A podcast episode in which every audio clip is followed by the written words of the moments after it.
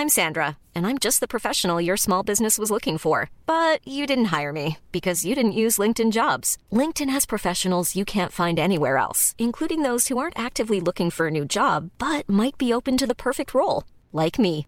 In a given month, over 70% of LinkedIn users don't visit other leading job sites. So if you're not looking on LinkedIn, you'll miss out on great candidates like Sandra. Start hiring professionals like a professional. Post your free job on linkedin.com/people today.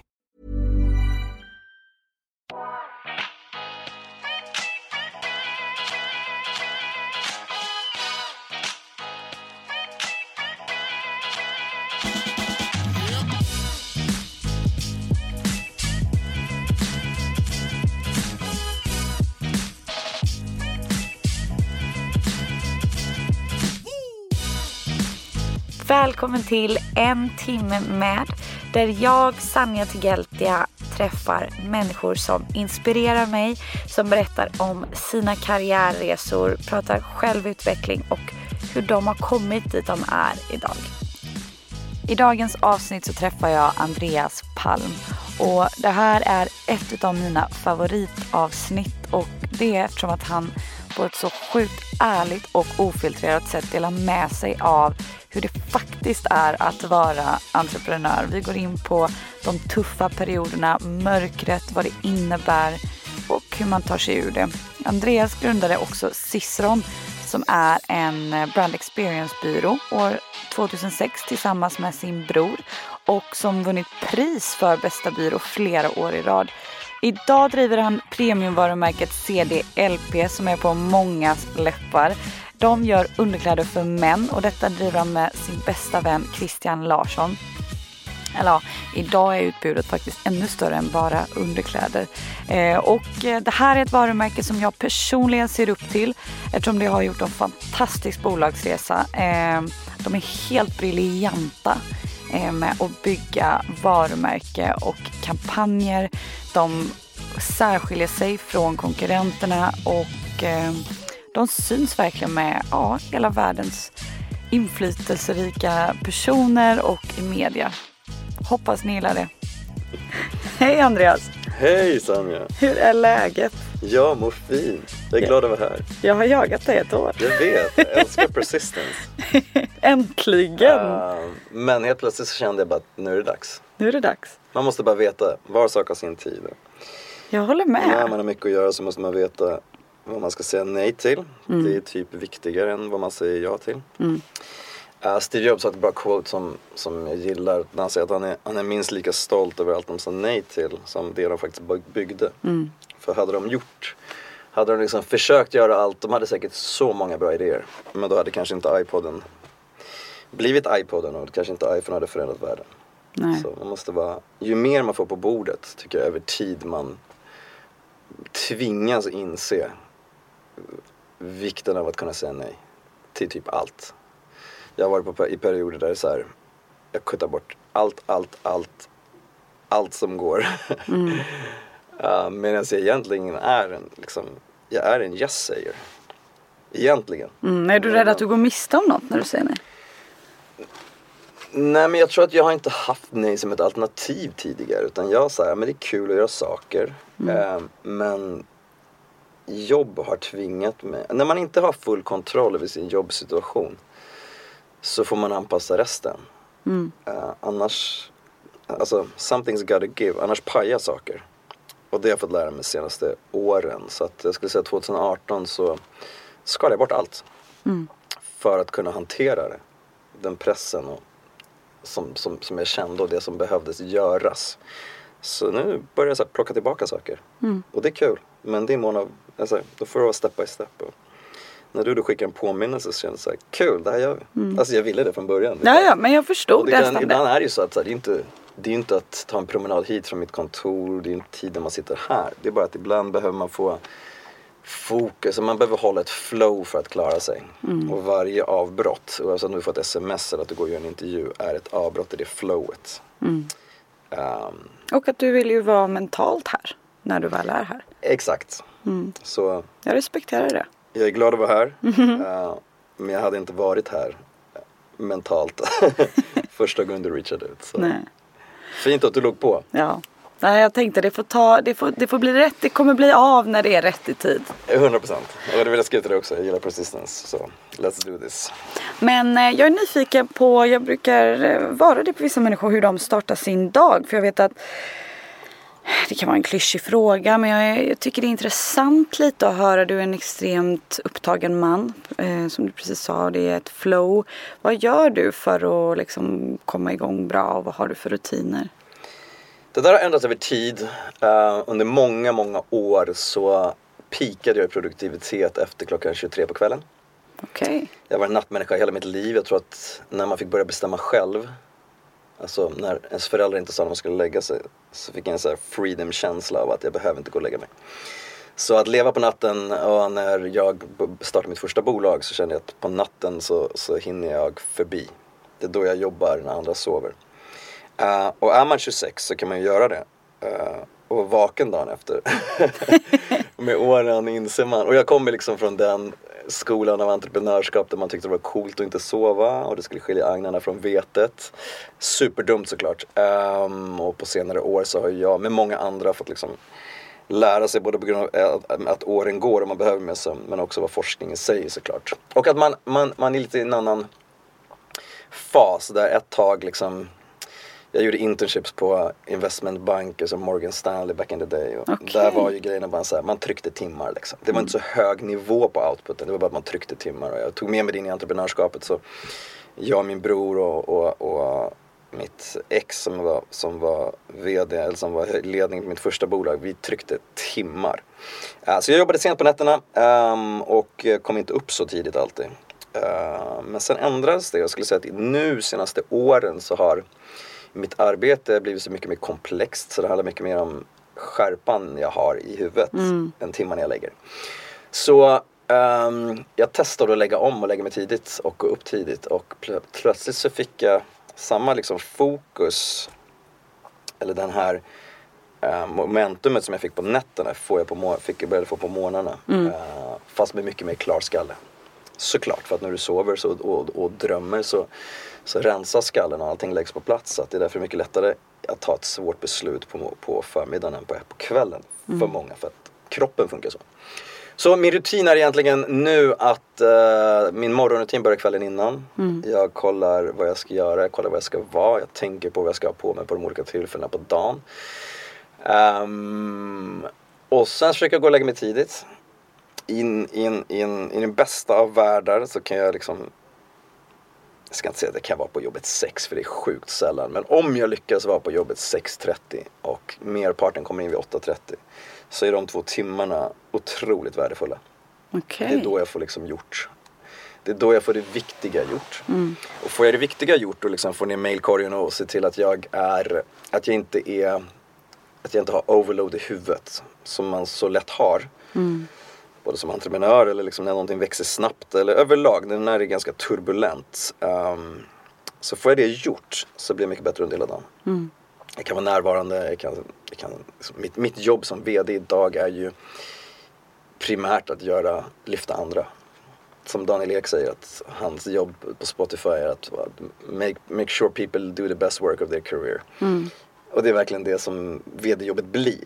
Att starta bolag och VD i början det är ju liksom igen. Här, det finns en packalåde-romantik, att så här, det är det man ska göra. Mm, det är mm. det man gör. Man gör ju allt, allt, allt, vilket är väldigt suboptimalt. Men det finns en romantik kring att ha gjort det, så här, kavla upp ärmarna, göra allt. Och ju fortare man kan komma från det stadiet, desto fort, fortare börjar bygga bolag. Okay. Så man måste ifrån det stadiet ganska snabbt. Um, men tyvärr fastnar man ofta i det på grund av att man, det är så svårt att få den talang man behöver. Mm. Men mitt jobb idag som med, med, eh, där jag driver CDLP är primärt som VD, liksom, sätta visionen och eh, attrahera toppmänniskor och att de växer så mycket de, som, som möjligt. Mm. Att de förverkligar sig själva på bästa möjliga sätt och gör sitt bästa jobb i sin karriär. Det är jobbet. Och det är svårt att göra när man har en full mailbox. Mm. Eller när man har massa saker som, som, som tar ens attention. Men liksom man betar av det tidigt. Det är det absolut bästa. Så bra sömn. Uh, och, och liksom börja dagen med att klära allt som ligger kvar eller saker, stora grejer. Då går du upp typ 5.30? Alltså igen, jag säger i den absolut bästa av världar. Frågar du min flickvän skulle hon inte går upp 5.30. Uh, 6.30 är bra, uh, 7. Uh, Uh, någonstans där. Men, men, men, men, det är en stor kontrast mot back in the day när jag brukade liksom, jag, jag var vaken på nätterna, eller jag jobbade på nätterna. Men ju tidigare jag kommer upp, uh, ju mer jag får gjort på morgonen desto bättre blir dagen. Har du nära till kontoret? Jag hade, Okej. jag hade fem minuter till kontoret vilket var otroligt värdefullt under de värsta startup-åren där, där fem minuter, där varje liksom fem minuters intervall betyder mycket. Ja. Nu flyttade vi i somras till Kungsholmen. Uh, fortfarande ganska nära, jag cyklar nu för tiden. Härligt. Jag är nyfiken på, um, innan vi dyker in på CDLP, så jag är väldigt nyfiken. Berätta om Cicero. Cicero startades 2006. Vi, nej, vi satte igång 2005. Äh, lanserade 2006. Det är ett bolag inom Brand Experience äh, som jag startade med min bror. Det här var en tid där entreprenörskap kanske inte var lika vanligt som det är idag. Eller man hade inte lika mycket förebilder. Så jag gick på Handels och jag lyckades inte riktigt bli klar. Jag hade något år kvar och så bestämde vi oss för att vi skulle starta det här och så hade de en inkubator då som heter Business Lab och Business Lab idag är ju otrolig verksamhet som folk söker till. Man måste liksom komma in. Eh, På den tiden var det ingen som sökte alls utan det fanns, de var så här, snälla kom, eh, bli så här, vill någon testa det här? Alla ville bli bankers. Bankers och konsulter. Det, var, det var ju så här, alltså McKinsey, BCG, investmentbankerna och Procter Gamble var ju det som tog liksom 90% av dem på Handels. Jag var en av dem som var på både liksom investmentbanksidan och PG. Men så kom den här idén att vi, att vi skulle göra någonting som in, inom, eh, inom brand experience och eh, vi satte oss på Business Lab, jag och min bror. Eh, det var tre bolag som satt där. I ett annat bolag drev min idag bästa vän Christian Larsson, vi kände inte varandra då. Han gjorde musik för varumärken. Så om man köpte en Koenigsegg fick man en CD-skiva. Som man kunde spela medan man körde i 300 km i timmen. Och det tredje bolaget hette Kreditor. Det var tre peppade grabbar som sen bytte namn på bolaget till Klarna. Ah, Så vi tre. Det vi var tre- de enda som ville och det, det var, blev vi, rätt det var bra. bara vi. Och det är så skillnad liksom kontrasten såklart om man går på Handels idag och har förebilder som men Klarna, Spotify. Liksom. Det är så otroligt mycket bolag. Eh, alltså för att nämna två. Eh, men bara som har kommit från Business Lab har du även Budbee tror jag startade där. Eh, det är så otroligt mycket förebilder idag eh, och det är ett stort ekosystem som supportar entreprenörer och allting annat. Det var det inte riktigt då, så det var lite ovanligt. De flesta av alla mina andra kurser började med någonting annat i stort sett, förutom Christian Larsson som blev filmregissör. Eh, men vi satte igång där eh, och tyckte att vi skulle göra Brand Experience primärt var att vi vill hjälpa företag att göra saker utomlands. Det låter som att, att att säga att internet inte var vad det var, det låter som att vi pratar stenålder, men det var inte riktigt det. Så det var ganska mycket, ganska mycket duktiga byråer som gjorde saker i Sverige för företag. Eh, utomlands var det inte riktigt det och så hade vi, ville vi liksom dra nytta av det nätverk vi hade utomlands. Så det började egentligen där. Och jag var VD för Ciceron Um, 2006 till 2013 någonstans när jag kände att jag hade större kapitel i mig och eh, började planera CDLP. Men det som gick ballt med Ciceron för mig som grundare det är ju att se att det är så otroligt mycket bättre idag än när jag var VD. Varför då? Bolaget har växt på grund av duktiga människor. Ja, men är kände du att det blev för stort för dig där? Nej, inte för stort. Bara att jag hade något kap- ett kapitel till i mig som var globalt. Igen, när vi satte igång Ciceron så såg man ju inte, du såg ju inte det fanns inget Totem. Um, det fanns inget Klarna. Det fanns liksom inte, inte de här bolagen som hade gått internationellt och gjort superballa saker. Eller det fanns. Ikea. Acne såklart. Liksom. Ja. Men det var väldigt ovanligt. Så att, eh, men det kändes som att det, vi hade, både jag och Christian Larsson då. Min storebror heter Christian och min bästa vän heter Christian. Uh, mm. Grundat varsitt bolag med båda. Men, men jag och Christian Larsson kände att vi hade ett, ett, liksom ett, ett större kapitel i oss båda två. Ja. Han var då filmregissör. Så att eh, Ciceron var nog, alltså det var ett otroligt äventyr. Jag lärde mig mer där än liksom kanske någonsin har gjort eh, under, så, under en sån tidsperiod. Ehm, men mycket av att bygga bolag handlar om att anställa människor som är bättre än en själv och eh, de som har kommit in efter mitt, liksom, mitt ledarskap eh, har varit helt otroliga. Så de gör, jag, är så, jag är så otroligt imponerad av dem dagligen. Ehm, jag och min bror äger fortfarande bolaget. Ehm, Är du aktiv? Nej, så att jag är liksom en aktiv ägare men inte operativt. Och det, det, det är primärt, det är inte för att jag inte vill, jag vill. Men när, när CDP tog fart så fanns det inget, på tal om att säga nej, det, Nej. det fanns inte ens ett, jag, jag, jag hade inte varit mottaglig för vad de ens sa Nej. 2018. så, så jag är liksom, jag är strategiskt eh, aktiv. Ja.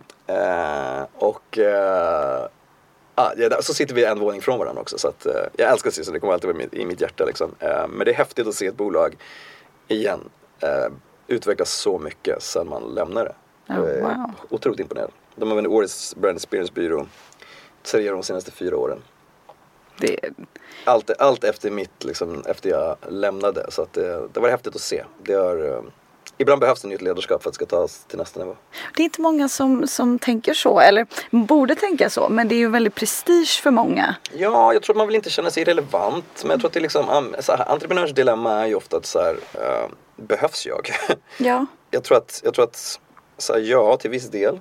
Jag tror inte någon hade kunnat göra CD-hjälpet ta det dit det är idag utan mig Christian, förutom oss två. Det, vi som, alltså, det vi gjorde hade jag inte sett någon annan göra. Däremot idag så är det så här, skulle vi skulle jag känna att det här är inte för mig längre så går det att rekrytera en annan VD och jag tror fortfarande att CD-hjälpet skulle bli ett, ett miljardbolag och bli liksom, nå otroliga framgångar.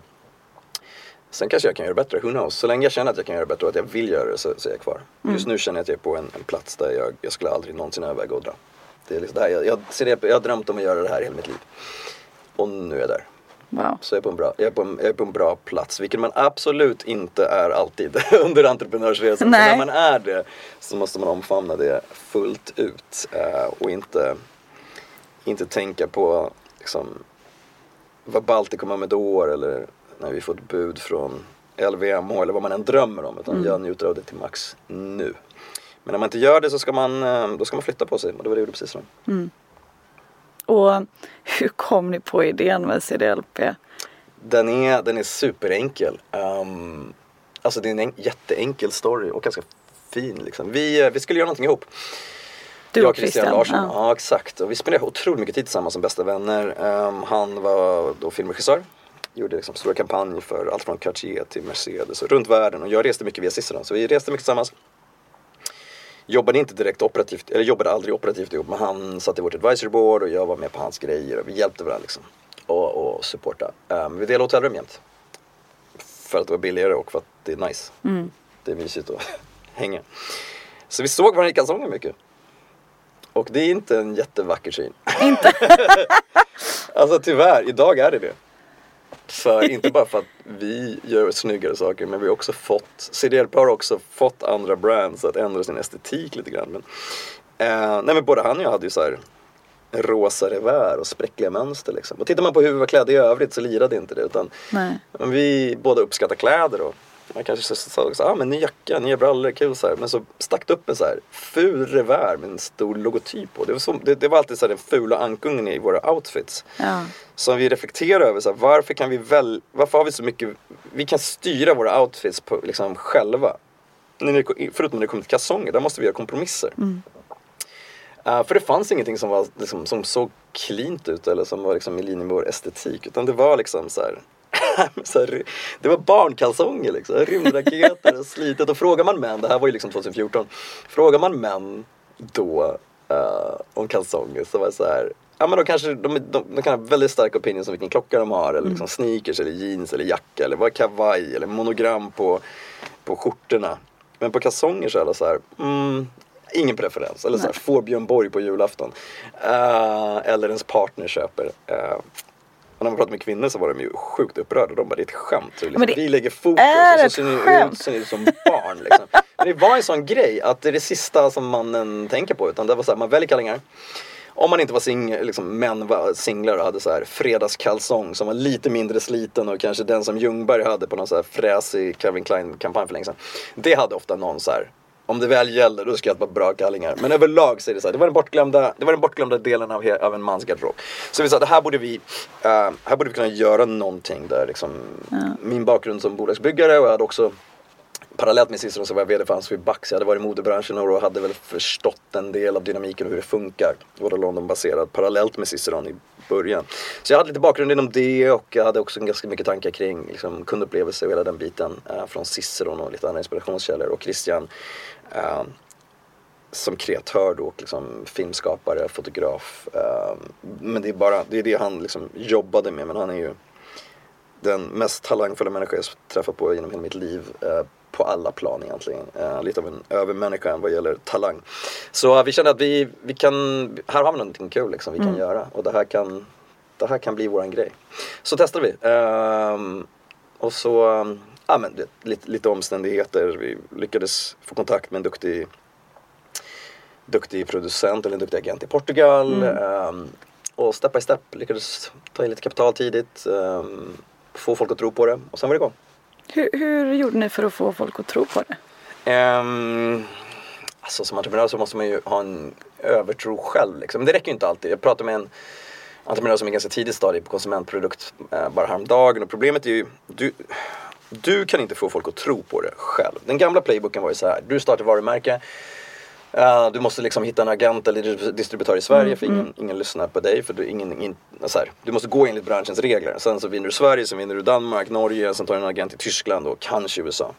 Idag kan ju alla säga så här, hej vi är världens bästa kalsonger. Eller vi är världens bästa strumpor, skor, leggings, vad som helst. Mm.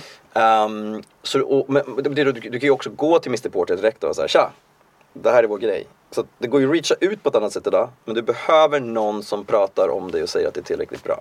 Exakt. Så även om folk liksom gillade mig och trodde på liksom så här, men de tyckte att Christian är säkert duktig och ville supporta så är det inte på riktigt alltid förrän någon säger att det är det. Nå någon som validerar det. Och det är, lite, det, det, är tråkigt men det är också för att det, det, den gamla modellen har ju liksom disruptats mm. i att du behöver inte längre en agent utan du kan gå alla kan gå till liksom Mr Porter och säga, alla kan skicka saker till liksom café och säga, kolla vad vi gör nu. Det finns otroligt, alltså, bruset är ju enormt. Därför är det några då fortfarande kvar, eh, liksom institutioner som kan validera. Så att, vi vill in på NK. Det tog lite tid, eh, alldeles för lång tid. Men när vi väl var inne så tog det ganska kort tid innan vi hade konkurrerat ut både Björn Borg och Calvin Klein som, som nummer ett. Eh, men när vi väl var inne på NK så blev det på mm. riktigt. Mm. Så även folk som jag tror ville supporta så var det nog lite mer så här, ja ah, Andreas och Christians kalsongprojekt. Kul för dem, gulligt. Medan när det finns på NK blir det på riktigt. Exakt. Och när vi kom in på Barnes blir det ännu mer på riktigt. Och när vi kom, nu är de tyvärr inte kvar längre men vi hade en kort period där, uh, eh, Mr Port och så vidare. Mm. Så att, i en, idag så har du ju massa liksom gatekeepers. Ja. Uh, och det kan också vara press, när GQ skriver om det eller när vi vann Årets underkläder från Café. Sådana här saker gör att det blir på riktigt. Sen är det alltid några som tror på en väldigt tidigt. Daniel Lindström på Café behövde ju inte höra från någon annan utan han såg det och sa det här är Sveriges bästa underkläder. Mm. Ulrika på Ljus som är Sveriges bästa modebutik. Hon behövde inte liksom heller få någon kontext, hon såg det och så. Det blir sådana grejer då. Då när man kommer in på Ljus och, så, så och ser att liksom CDLP lådorna ligger bredvid mellan Margiela och Dries Van Noten. Då blir det en association. Då blir det så ah det här är på riktigt. Men, vi kom men... in på Maxfield i LA via Jonas Åkerlund och även det att så här, vi är på Maxfield. Vilket, det, det, är otroligt svårt att komma in på Maxfield. Otroligt! Och ni har ju varit... i, men, men igen, jag vill bara förtydliga, vi sålde ju aldrig på Maxfield. Alltså, det, det, det är ju en det är en valideringsgrej. Vi kommer ja. aldrig sälja volym där. Men det ger folk en bild av att ah, det här märket är på riktigt. Så det blir ju en det är ju det som är utmaningen i början. Det är så här, hur ska du få folk att se det här på riktigt? Och då behöver du ofta någon som validerar. Och, och de allra viktigaste det? är ju de, de som gör det tidigt. Och där liksom står i Sverige står liksom Daniel och, eh, och Ulrika ut. Men hur fick ni det validerat? Det är det som är eran... Och att ni är otroligt duktiga på att bygga varumärke. Men jag som är PR-nörd då, det är ju inte lätt att få ut en nyhet i bruset och, och liksom synas i den här pressen ni har synts världen över. Alltså för att få validering så måste det vara bra. Ja. Det är lite det också. Jag tror mm. att vi mm. tittade ju inte bara på så här, okej okay, vi ska ta bort loggan och, och, och, och, alla spräckliga mönster utan vi de flesta när vi satte igång producerade i billigaste bomullen som gick att få i Kina. Mm. Och vi valde att göra, lägga produktion i Portugal direkt. Vilket verkligen var skillnad mot andra kalsongmärken. Och kalsonger ska man ju veta att det produceras ju mycket på licens. Eh, på samma sätt som, som om Gucci ska göra en parfym så gör ju inte de den inhouse. De mm. säljer den parfymlicensen till L'Oreal eller Procter Gamble. För de har ju ingen Gucci behöver inte sitta på en kompetens att göra parfym. Så är det även med kalsonger. Så det mesta görs liksom utan, utan kärlek på licens historiskt. Um, och i liksom uh, inte i, i, i high-end fabriker. Så vi gick dit, uh, kände att vi skulle ligga på en högre prispunkt, betala mer för produkten. Um, började jobba med ett material som heter lyocell som då var väldigt liksom, groundbreaking och mm. sen har många följt efter det och så idag finns det ganska många som gör lyocell. Men då var det ganska groundbreaking att göra ett material som var från pappersmassa och som var mycket, mycket mer hållbart än bomull. Mm. Um, så jag tror, jag tror liksom vi, vi gav produkten väldigt mycket kärlek. Mm. Vi fokuserade på en sak. Vi sa att vi försöker göra världens bästa kalsong. Så här ser vi på kalsonger. Så jag skulle säga att det var en blandning av produkten, kvaliteten, um, att vi hade ett sustainability-tänk tidigt innan folk började prata om det riktigt. Och sen Christians otroliga förmåga att uh, liksom, skapa ett visuellt narrativ mm. som var lite annorlunda då. Där, där det hade primärt dominerats av snygga män som spelar fotboll. Mm. Uh, ofta 23 år gamla och uh, vältränade och inoljade fotade i studio. och uh, Christian plåtade istället, ja men gjorde mer dokumentärporträtt som plåtade liksom våra vänner i off moments snarare än så, posade. Så det var alltid, det, fanns, det var sexigt på ett sätt men det fanns alltid en glimt i ögat. Mm. Så, att, så, så det, det var väl det som var grundstenarna. Sen är det alltid, sen är det en massa slumpfaktorer i det här liksom. Så att vi lanserade 2016 och fick ganska tidigt vi hade en PR-byrå i London som vi har kvar fortfarande idag som heter Varg som var fantastiska och eh, jag tror vi lanserade i juni och så i juli fick vi liksom en feature i GQ. Pressen gillar ju att skriva nya saker så mm. det finns ju alltid ett incitament i början. Sen måste man ju hålla sig relevant. Men jag kommer ihåg när vi fick den här GQ-artikeln i GQ England. Jag bara nu kommer servern krascha. Det har man ju läst om. jag bara nu är det, nu säljer vi slut. Uh, och så händer ingenting. Så blir man såhär, men vad fan. Va? Det, var ju, det här skulle ju vara, det är då det händer liksom. Så fick en hel sida i Squire, kortare efter i print och nu bara, nu händer det ingenting då heller. Alltså så små bumps liksom. Men det, man inser sen det att det behövs liksom, det vi kallar för flerfrontskriget. Ja. Du behöver liksom ha bra press, uh, bra folk som postar samtidigt, bra kampanj. Mm bra podd eller vad det nu är samtidigt mm. för att saker ska hända. Um, när folk har, liksom, har många touchpoints samtidigt, när folk ser varumärket mycket uh, på flera ställen, det är då det händer. Men, men, men uh, sen blev vi kontaktade av en kille uh, som hade en PR-byrå i New York och som fastnade för varumärket 2017, våren, ganska tidigt. Mm. Och började jobba med han tidigt och han var avgörande för att vi skulle synas så mycket som vi gjort utomlands. Så, okay. eh, han har varit baserad där sedan dess och jobbat heltid hos oss sedan ett och ett halvt år tillbaka. Men avgörande för att få ut liksom för att se, jag tror att så här, jag och Christian visste vad vi, vad vi gjorde, man blir också ganska man blir väldigt, eh, man, blir ganska smal i vad man ser för man är så inne i det. Mm. Medan han såg en mängd intressanta narrativ kring varumärket om hur vi porträtterar män och den nya maskuliniteten och sustainability och allting annat. Och det här snappade liksom, framförallt den internationella pressen upp. Så ganska snabbt så blev vi, fick vi liksom, via det försäljning globalt som tog fart. Um, svensk press var var väl också där men inte riktigt, snappade inte upp det lika mycket. Nej. Uh, men internationellt fick vi väldigt mycket uppmärksamhet. Mycket för det visuella narrativet och det som då vi pratade om att det var ett, annat sätt att porträttera män. Uh, och en annan typ av män. Verkligen. Men också sustainability. Och jag tror att så här, fokus på att vi gjorde en produkt och så att det här är det vi gör bra. Det var nog det som skapade validering. Och hur har, ehm, alltså hur har resan sett ut? Har det har det varit en dans på rosor? uh, eh, nej men det är ganska enkelt. Det är, yes, ja, ja, det, det är, det är osanning att liksom måla upp entreprenörskap som en dans på rosor och det vet alla som har byggt någonting. Uh, jag, jag tror inte jag har träffat någon entreprenör som har skapat någonting liksom, av substans som inte gått igenom ett stort mörker. Och man säger det i press men pressen skriver inte så mycket om det. Så att, eh, det har varit allt annat än en dans på rosor. Samtidigt skulle jag, inte, så finns det, liksom, skulle jag aldrig göra det ogjort och jag, jag, eh, jag tycker fortfarande entreprenörskap är liksom, det ballaste man kan göra, det mest äventyrliga man kan göra. Men det är svårt. Och det är svårt i så många olika stadier. Uh. Så 2016 var, var, var, när man lanserar så är det ju liksom nyhetens behag. Uh. Som en ny relation och allt är glatt liksom. Och folk är såhär, kul grej, roligt och man är så otroligt glad för varje grej som händer. Så här, man får en artikel eller någonting. Så här, shit, varje grej liksom är validering för en själv, man är på rätt spår. Uh, och det är otroligt kul men det är också väldigt naivt för man anar inte vad som väntar. Uh, och om man visste det då skulle många inte startat. Såklart. Så jag vill absolut inte liksom, skrämma folk att inte starta. Man ska starta, man måste bara vara beredd på att det är liksom, en, en bumpy ride. Så uh, eh, 16 naivt och kul, 17 kul men insåg att det här kommer inte bli lätt. Det börjar liksom bli mer komplext. 2018 minneslucka. Varför riktigt. då? För att det var så, det var så mycket. Så mycket jobb eller så mycket vad jobb, är så mycket mörkret? Press. Alltså, mörkret är att du jag ska ta klart år. Ja. 19, halva 19 var jobbigt. Q1 var jobbigt 19, Q2 blev bra, andra halvan bra, 20 var bra, 21 eh, liksom, mitt bästa år i karriären någonsin. Inte, in, med, det sagt, inte sagt, med det inte sagt att allting är lätt men Ja, vi såg ljuset liksom andra halvan 2019 och sen dess har det bara blivit bättre och bättre. Mm. Det som är mörker, det är att du har en otrolig, liksom, du har committat så mycket. Du kan ha tagit in kapital från vänner, bekanta och allt möjligt. Och du har liksom lagt otroligt mycket jobb och emotionellt, ekonomiskt, alla resurser liksom, i, i en liksom i en korg. För det är inte heller att det kommer ringa rekryterare. Om det ringer rekryterare så är det såhär, tja, ett jobb till dig, hoppar du av. Det är inte att switcha utan du committar ju till att göra någonting. Uh, och så vill du hela tiden hålla upp en yta av att det går bra.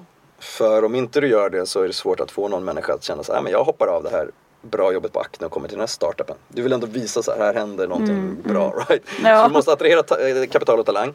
Kapital är mycket lättare. att attrahera en talang tycker jag. Eh, med det sagt, in, inte att det är lätt, eh, men talang är rätt svårt i början och det är rätt frustrerande. Så man måste liksom hålla en yta utåt och det går bra och så måste man man måste göra så många olika saker, speciellt om det är i vår bransch, det är så många olika talanger som behövs, eller så många olika kompetenser. Så säg att Christian fokuserar på kreativ och jag på business primärt. Men vi kommer ändå ha massa saker som faller emellan. Mm. Som, som man måste plocka upp. Och då betyder det att om, om, om, du egentligen tittar på så här, när är du som bäst, när mår du som bäst, när gör du som bäst jobb? Men det är när du jobbar med någonting som du är bra på, som du gillar. Right? Och det kan du göra. Men när du startar bolag så kommer du bara få jobba en liten del med det du är bra på, det du gillar. Uh, det du är bra på, det du gillar kanske kommer in i effekt liksom två eller tre år senare. Mm. Så man måste göra väldigt mycket av de sakerna. Och det är fine med, med timmarna men det är just kombinationen av att uh, det, liksom, det är allt eller inget. Och att du liksom man får känsla av att nu kommer det funka mm. och sen så händer någonting. Alltså de här problemen som hopar sig. Och sen för mig då som hade liksom haft bolag, både min bästa vän och min bror, så är det ju att när man har en så enkel relation utan alltid haft det innan och så har man det jobbigt eh, när man bygger bolaget av tusen olika anledningar. Och man jobbar långa timmar. Så på kvällen så har man inte den naturliga, så vem ska jag ringa? Men jag ringer Christian eller Nej. jag ringer Andreas och snackar lite. Så att den, det, utan då måste man ju, man måste ju fylla på energi från någon annanstans och då gör ju det med andra människor för att du behöver ha något som inte tänker på det här som ger dig ångest eller press eller dålig sömn. Right? Um, så det är lite det också, att. Uh, det är svårt också att uh, hålla upp en relation som tidigare bara har varit good vibes när man går igenom någonting som båda tycker är jobbigt och där man inte har varandra som bollplank eller stöttepelare längre. Mm. Um, och det gick vi absolut igenom. Vi hade, hade, hade, hade superjobbigt ett tag uh, men vi visste väl varför.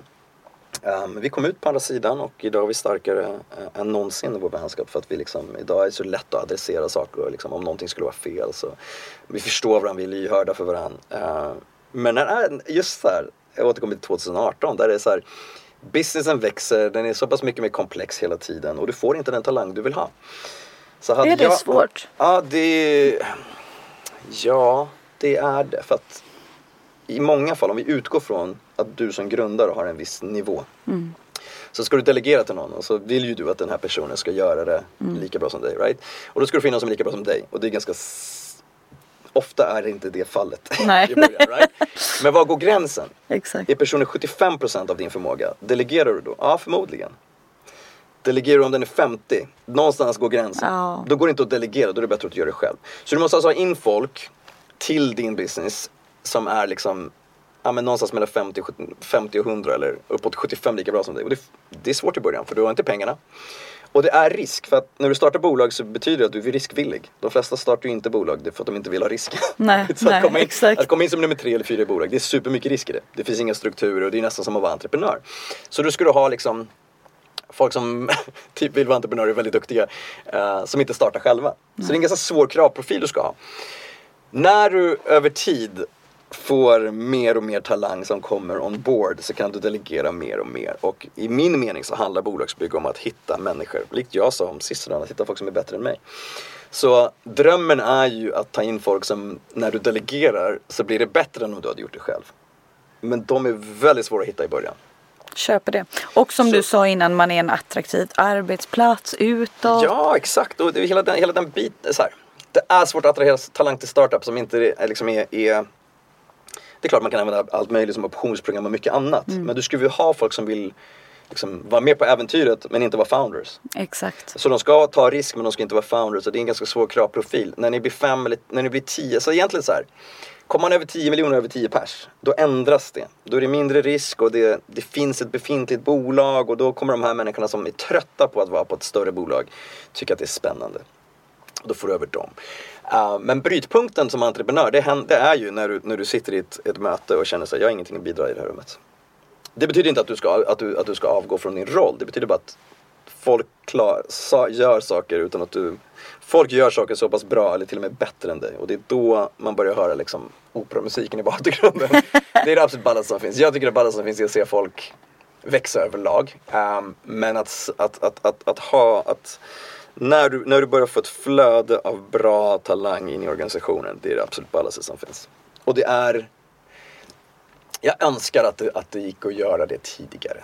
Mm. Uh, vi har haft talang genom åren, självklart. Men vi har liksom, när man tittar på ett mått som jag ofta återkommer till, liksom, som Netflix uh, ofta pratar om som är talent density. Så Hur hög talent density har du eh, liksom, genom hela organisationen? Så det är mycket lättare att ha en hög talent density när du kommer förbi en viss tröskel av startup-åren. Så att, eh, och igen, 2018 är, när jag refererar till 2018 så är det liksom en komplex business, växer mycket, alla ägg i en korg, det vill säga hela ens privatekonomi, all, hela ens privatekonomi, hela ens emotionella, liksom, eh, hela ens emotionella register ligger i den här korgen.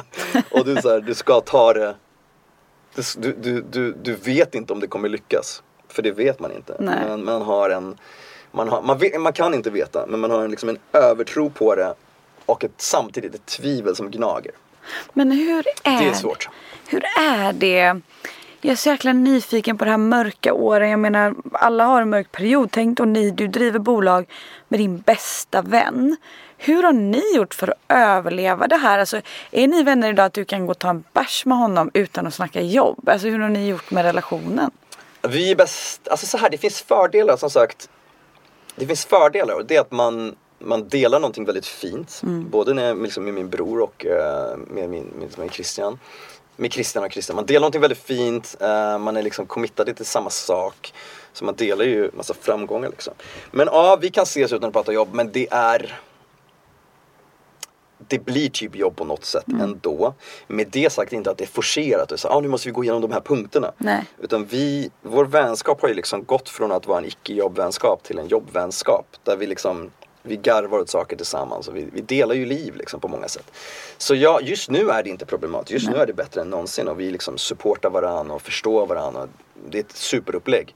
Men det är just när, när, när, när liksom businessen växer, komplexiteten växer. Eh, områdena som du är dålig på och inte gillar och som din medgrundare är dålig på och inte gillar tar större plats. Ja, Så då blir det så här, okej jag sköter logistik och eh, kundtjänst och Christian sköter e-com och eh, eh, förutom det kreativa då. ja.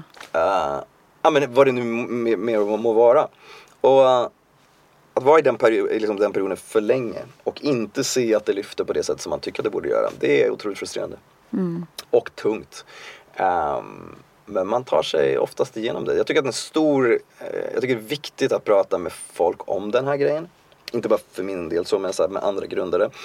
Ehm, det finns en podcast som heter Masters of Scale som drivs av Reid Hoffman som grundar LinkedIn, en otrolig entreprenör. Och han hade ett jubileumsavsnitt avsnitt nu i helgen där han pratade med några gäster som hade stuckit ut och en av dem var eh, bland annat Airbnb-grundaren och vdn.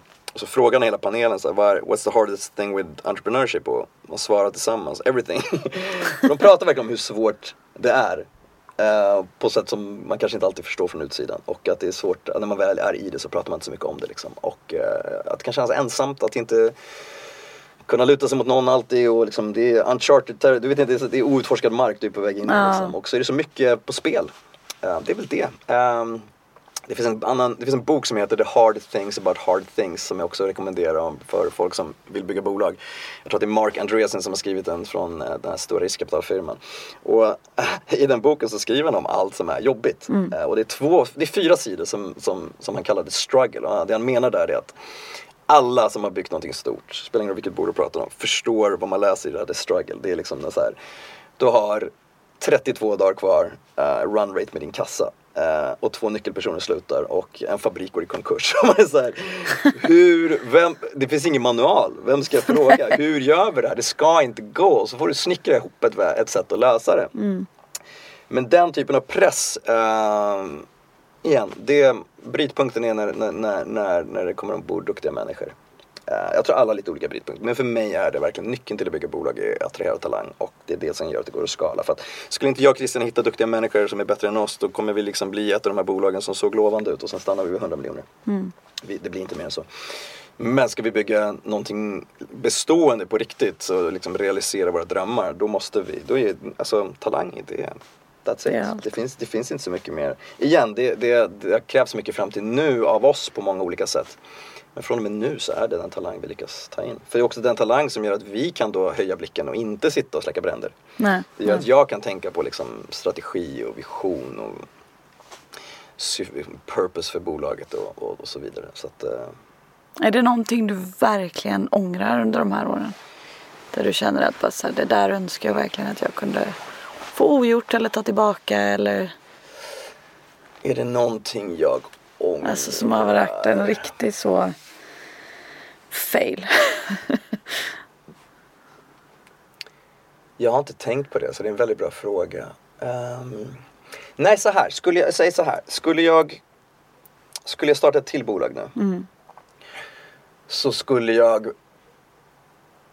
An, jo, jag skulle anställa personer på högre nivå tidigare. Ehm, för effekten när du får in en duktig executive är enorm. Men i början så har man inte pengarna och man vet inte exakt vad det ger och så vidare. Så igen, när jag pratar om de här fem åren sedan vi startade då. Eh, så, så hade jag velat korta ner.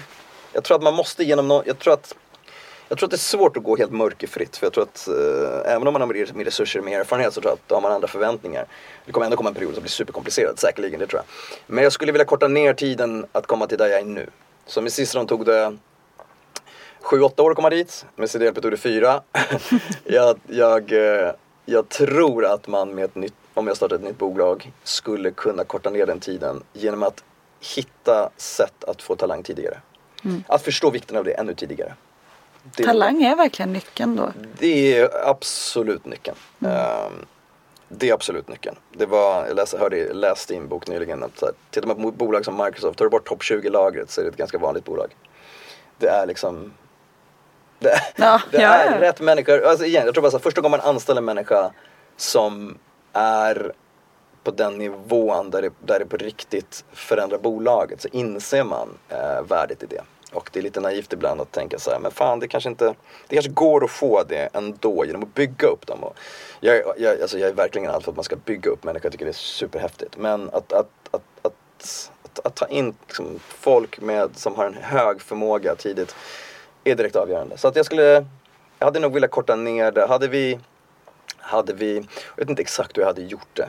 Eh, För att man har inte pengar eller resurser heller och man har inte alltid förmågan. Och igen, som jag säger, det är inte alltid top executives eller människor som har gjort stora saker vill komma till en startup heller. Utan det är ofta efter en viss period.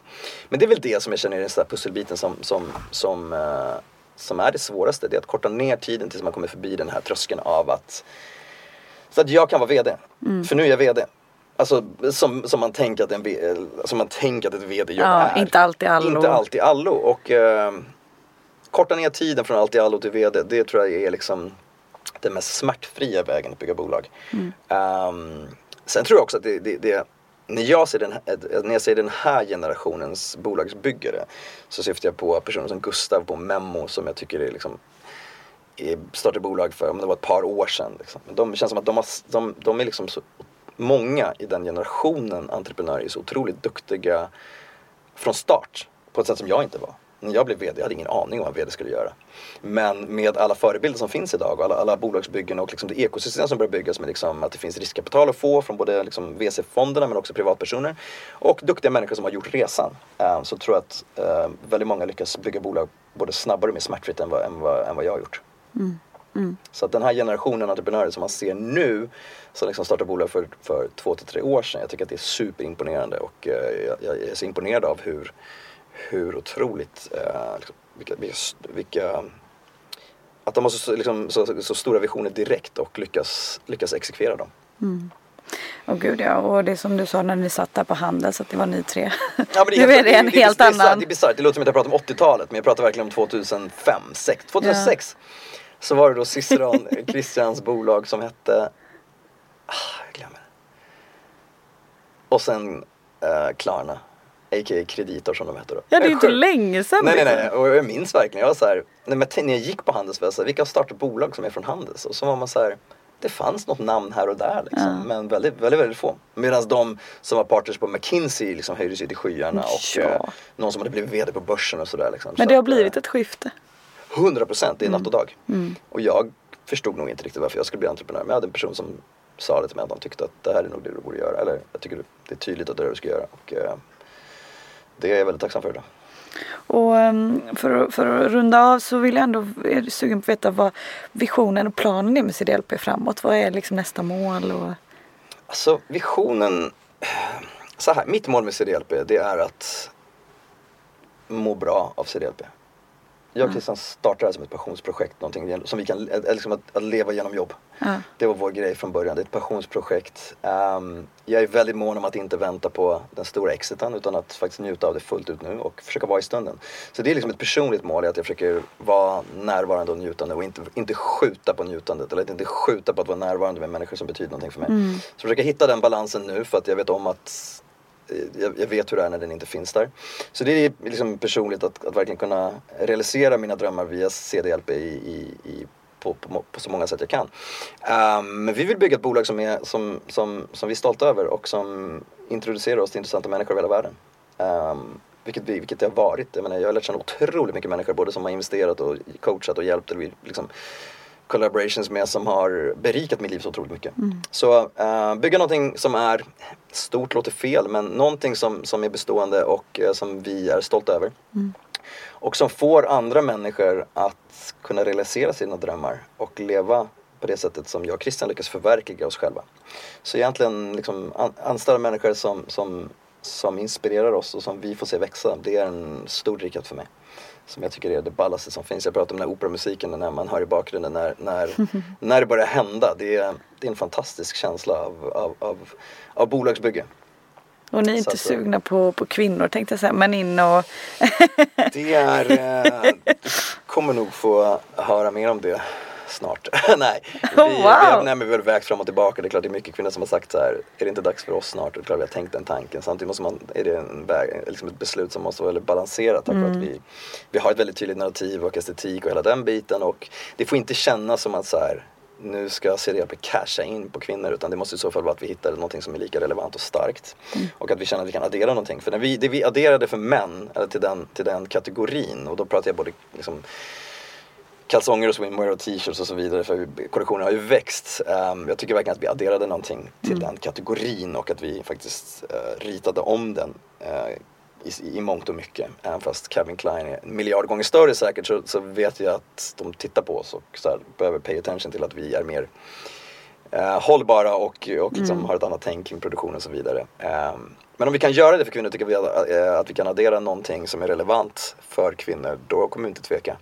Men det får inte bli, det måste vara av rätta anledningar. Jag köper det. Vem hade du velat höra i podden? Gärna någon rimlig liksom. Ja. Någon rimlig som, som eh, Sen är jag en person som inte ger upp så det kan ju Ja vara exakt någon. det jag tänker. Jag så, vem jag än säger, du kommer ju ändå ligga på tills personen säger ja. Jag har tre personer. Jättegärna. Haisa Mohammed. Eh, otrolig entreprenör och kreatör som har ett märke som heter Unifrom eh, Parfym. Han är intressant och spännande. Ehm, jag skulle vilja höra Nina Simatkowski berätta om hur hon byggde Milky Wire. Och jag tycker att Adam Junior har en väldigt spännande karriärresa. Eh, han är på TikTok idag. Eh, och hans väg dit är väldigt inspirerande tycker jag. Den tror jag att fler skulle behöva höra. För den är lite icke-konventionell. Det är tre personer som jag tycker är intressanta. Ehm, Tusen tack. du kommer säkert behöva jaga några av dem ett tag. Men jag vet att Jag du, du, du lyckas alltid. Eh, Tusen tack för att du ville vara med idag. tack ska du ha. Om ni gillar podden så får ni hemskt gärna dela den här med era vänner. Men också gå in och prenumerera och jättegärna lägga en liten kommentar. Det hade gjort mig otroligt glad.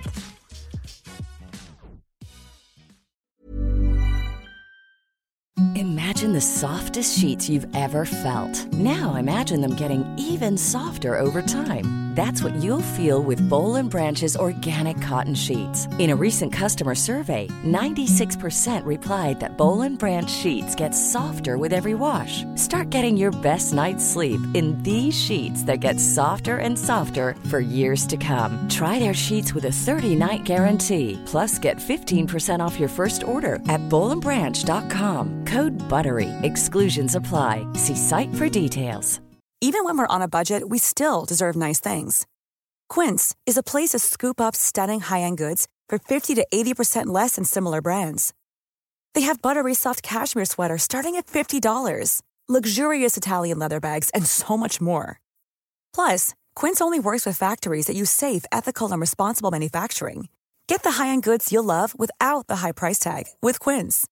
Go to quince.com/style for free shipping and 365 day returns.